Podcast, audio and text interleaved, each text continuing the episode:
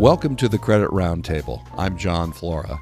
This podcast is intended to offer you a new source for professional education and business information, mixed in occasionally with some entertaining moments.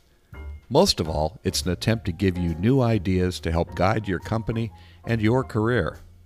As we begin episode number five, I'm pleased to welcome new listeners from two of our partners in education the Credit Management Association, based in California and Nevada, and Southwest Business Credit Services in Arizona. It's great to have you with us. Being a member of anything today Rotary, Chambers of Commerce, churches, golf clubs, yacht clubs, or even NACM has fallen out of favor in the last decade or so. As a culture, we just don't join like we used to, and not surprisingly, the Great Recession exacerbated the problem. Yet there is still tremendous value in being part of something greater than ourselves. In this episode, we reconnect with good friend and colleague Thea Dudley, well known consultant, columnist, and 30 year credit professional who served as the keynoter for our recent Hawaii Credit Forum. For this discussion, Thea and I return to the gardens and waterfalls of NACM member, the Hilton Waikiki Beach Hotel. In this session, we're going to talk about the value of membership and associations today the world has changed from what it was when this all started. And value is a, is a huge deal. What's, what makes it worth your time to be part of an association? Uh, what makes it worth your money? What's the value add? So, Thea, talk to me from your perspective about the value of NACM, the value of a conference like we're doing right now, and is it worth doing? You know, early on in my career, that's I I was a huge supporter of NACM, and I, I took tons of classes and I, I went to everything religiously. And then as time went on with my career, I kind of fell out of that. And the value for me wasn't really there. I wasn't getting anything out of it. It felt very tired, very stale. Would you say you grew out of it or we didn't keep up? Uh, you know, probably a combination. Okay.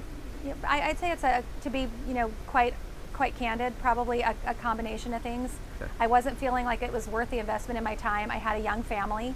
And so trying to decide where to put my time, what was worth it, what I was getting enough value out of to be away from my family, to make those arrangements, you know, who's going to juggle the kids and all of that.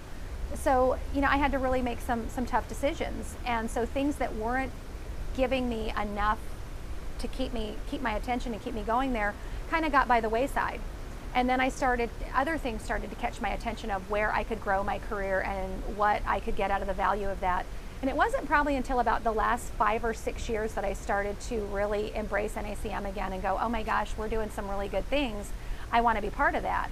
And so, you know, there's there's people like you and Jamie and then Rich Adams, you know, that are, are doing some really good things with their associations that are bringing things that I can get something out of. And one of the biggest is networking with people in my you know, in, in my chosen profession, because again, this is where I choose to make my living. You know, I, I could quit doing this and, and go into sales or be, you know, the fry girl at McDonald's. I'd be one hell of a fry girl. um, you know, dump, dump, dump, shake, shake, shake.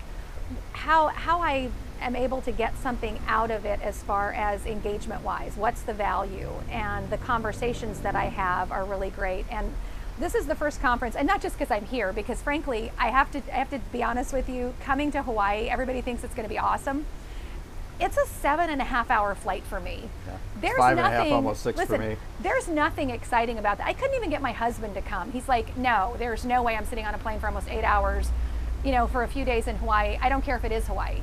So, and don't get, it's beautiful. Food's been outstanding, but the program was incredible. It, usually I, I skip like one or two sessions and I pretend to have a phone call or be busy and I leave. Every single one of them was engaging and every single one of them I got something out of, which is really refreshing and I, I think as you bring more topics in, if you're open minded about what you can get, the one on um, disaster preparedness, I thought was going to be a snooze fest. It was actually probably one of my favorites because I started thinking about how does this impact my team, my data, you know, what would we do? How would we network? Who would call who? You know, all of these different things of how would you set up your department to handle that so that it doesn't debilitate your company. So, you know, you can get value out of anything, but it, it's a lot of it's how it's presented. The speakers were just amazing. Well, and in, in past episodes, we've talked about the importance of relationships. And out here, it's very easy to develop those friendships and relationships very quickly. It's part of the culture. I can see from your experiences in the meeting room that you have made some new friends out here. And that's that's huge for your profession. Oh God, you know, they're like, hey, come to dinner at my house. I'm like, guys, I'm leaving Saturday. You know, I, I would love to eat dinner at all your houses. I'm sure it would be great. But you know, they were very warm and they're, hey, if you, you know, whenever you come back, you know, you've got a place to stay. I mean, it was, it was great. I mean, there's a ton of really great people. And it turns out we knew a lot of the same people because, you know, credit people are like any other any other group you do this job long enough and you cross paths with somebody who knows it's like your six degrees of separation. So it is really fun. So if you were leading or serving on the board of our association, and I know you serve on some other boards as well, what guidance would you give us going forward to continue the value add? You know that we do our monthly webinars. We try programs like we've done here. We had a lot stuffed into our program here, and the day went, it got a little long at some point, but everybody hung with it the feedback I'm getting is like you, everybody's finding value in it. It takes us a lot of time to do that, but what more can we do to bring value to this thing?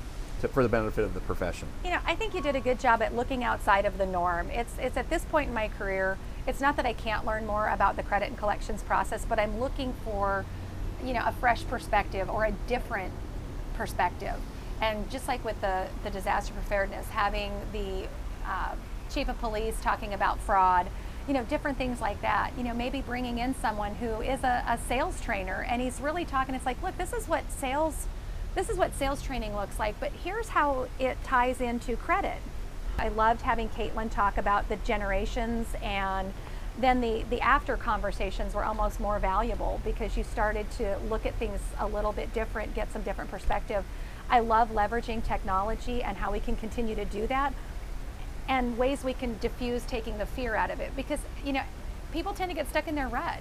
So when you ask them to change it's it's scary. And so talking about you know phyllis talked about change management and you know for most of us it's you know ready fire aim and then you're cleaning up the mess. But what would that look like if we were able to have conversations that got you know you're not going to get everybody feeling warm and fuzzy and, and singing kumbaya but if you could approach it differently and start showing people, hey, you could be so much more valuable than just doing transactional things. And those are the things that get me excited and get that conversation going and some roundtables on different common problems, not not bitching. I just don't want to sit around and, and, and kick and fuss and, and beat people to death. Let's talk about some real solutions and what this could look like. Do you see that happening better at a local or regional level or a national level? I think it can work at either. I think you've got to have some of the right moderators in place. You, there's there's some old school thinking that not that that's bad, but you've got to let some of those fresh voices come up. I mean, Caitlin had them riveted when she was talking yesterday. She never lost her audience once, and she's and, and what? For the, and she's if I 25? can interrupt, if I can interrupt for just a moment, uh, since the people listening don't know who you're talking about. Oh. Caitlin Cromit is a 25 year old uh, young woman out of uh, Southern California who speaks about working with different generations. And her love is hospice care, but she has branched off into helping professional organizations and professionals learn how to deal with different age groups in the office. So continue. yeah, so she was she was riveting, and it was fun listening. I could have listened to her for another hour, and she was really engaging, and she was great to ask questions to. She didn't stand up there and say, "Look, I have all the answers." It was, "Look, here's the perspective." Let's talk through this and let's give you some real solutions to take back and some real things that you can try to implement or you can try to introduce to your teams. Because you may be ready to do it and you may be ready to take it to the next level, but you've got to get your teams there. And that's that's I think more of the conversation. I don't just want to sit around and, and talk about no one understands my job. It's like, you know, every job is easy except the one you're doing. So yeah.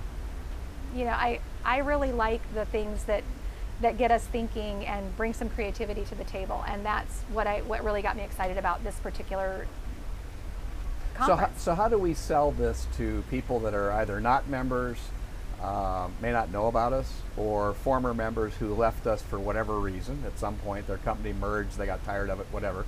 Um, how do we sell that to more people to get them involved?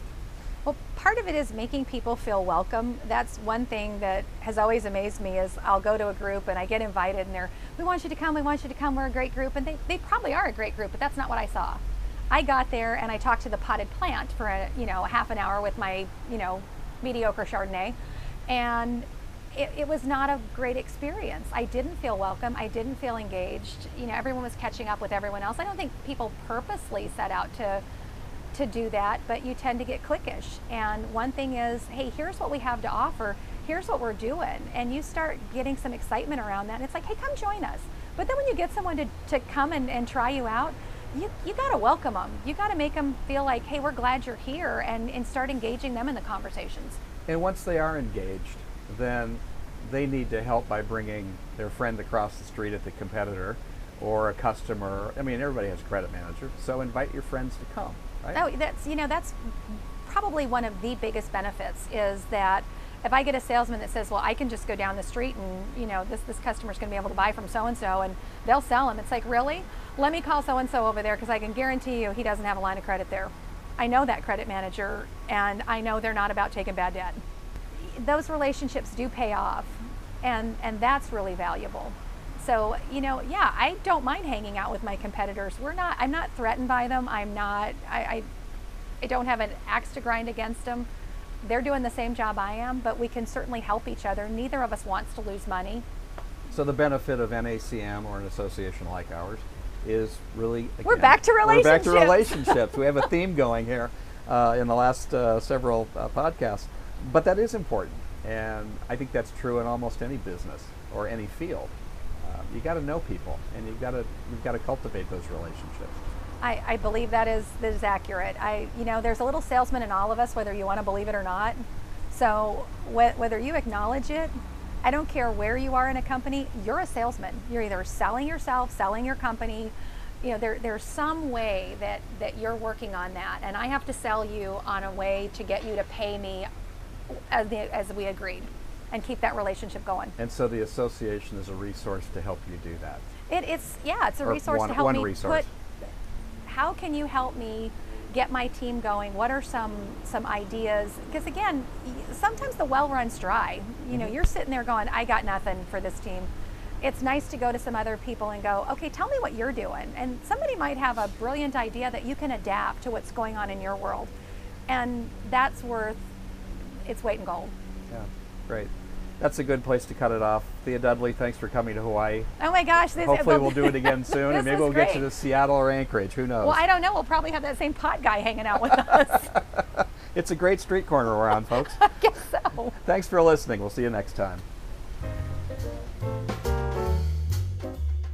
I again want to thank Thea Dudley for being our guest on the roundtable. If you'd like to hear more from her, she'll be joining us in Seattle on September 12th for NC3, the Northwest Commercial Credit Conference. For more information on this day long program and to register, visit our website at nacmbcs.org and click on Events. If you have comments about our podcast or have some ideas for future discussions, please drop an email to feedback at nacmbcs.org. The Credit Roundtable is a presentation of NACM Business Credit Services, Seattle, Washington, all rights reserved. I'm Jon Flora. Thanks for joining us. We'll see you next time here at the Credit Roundtable.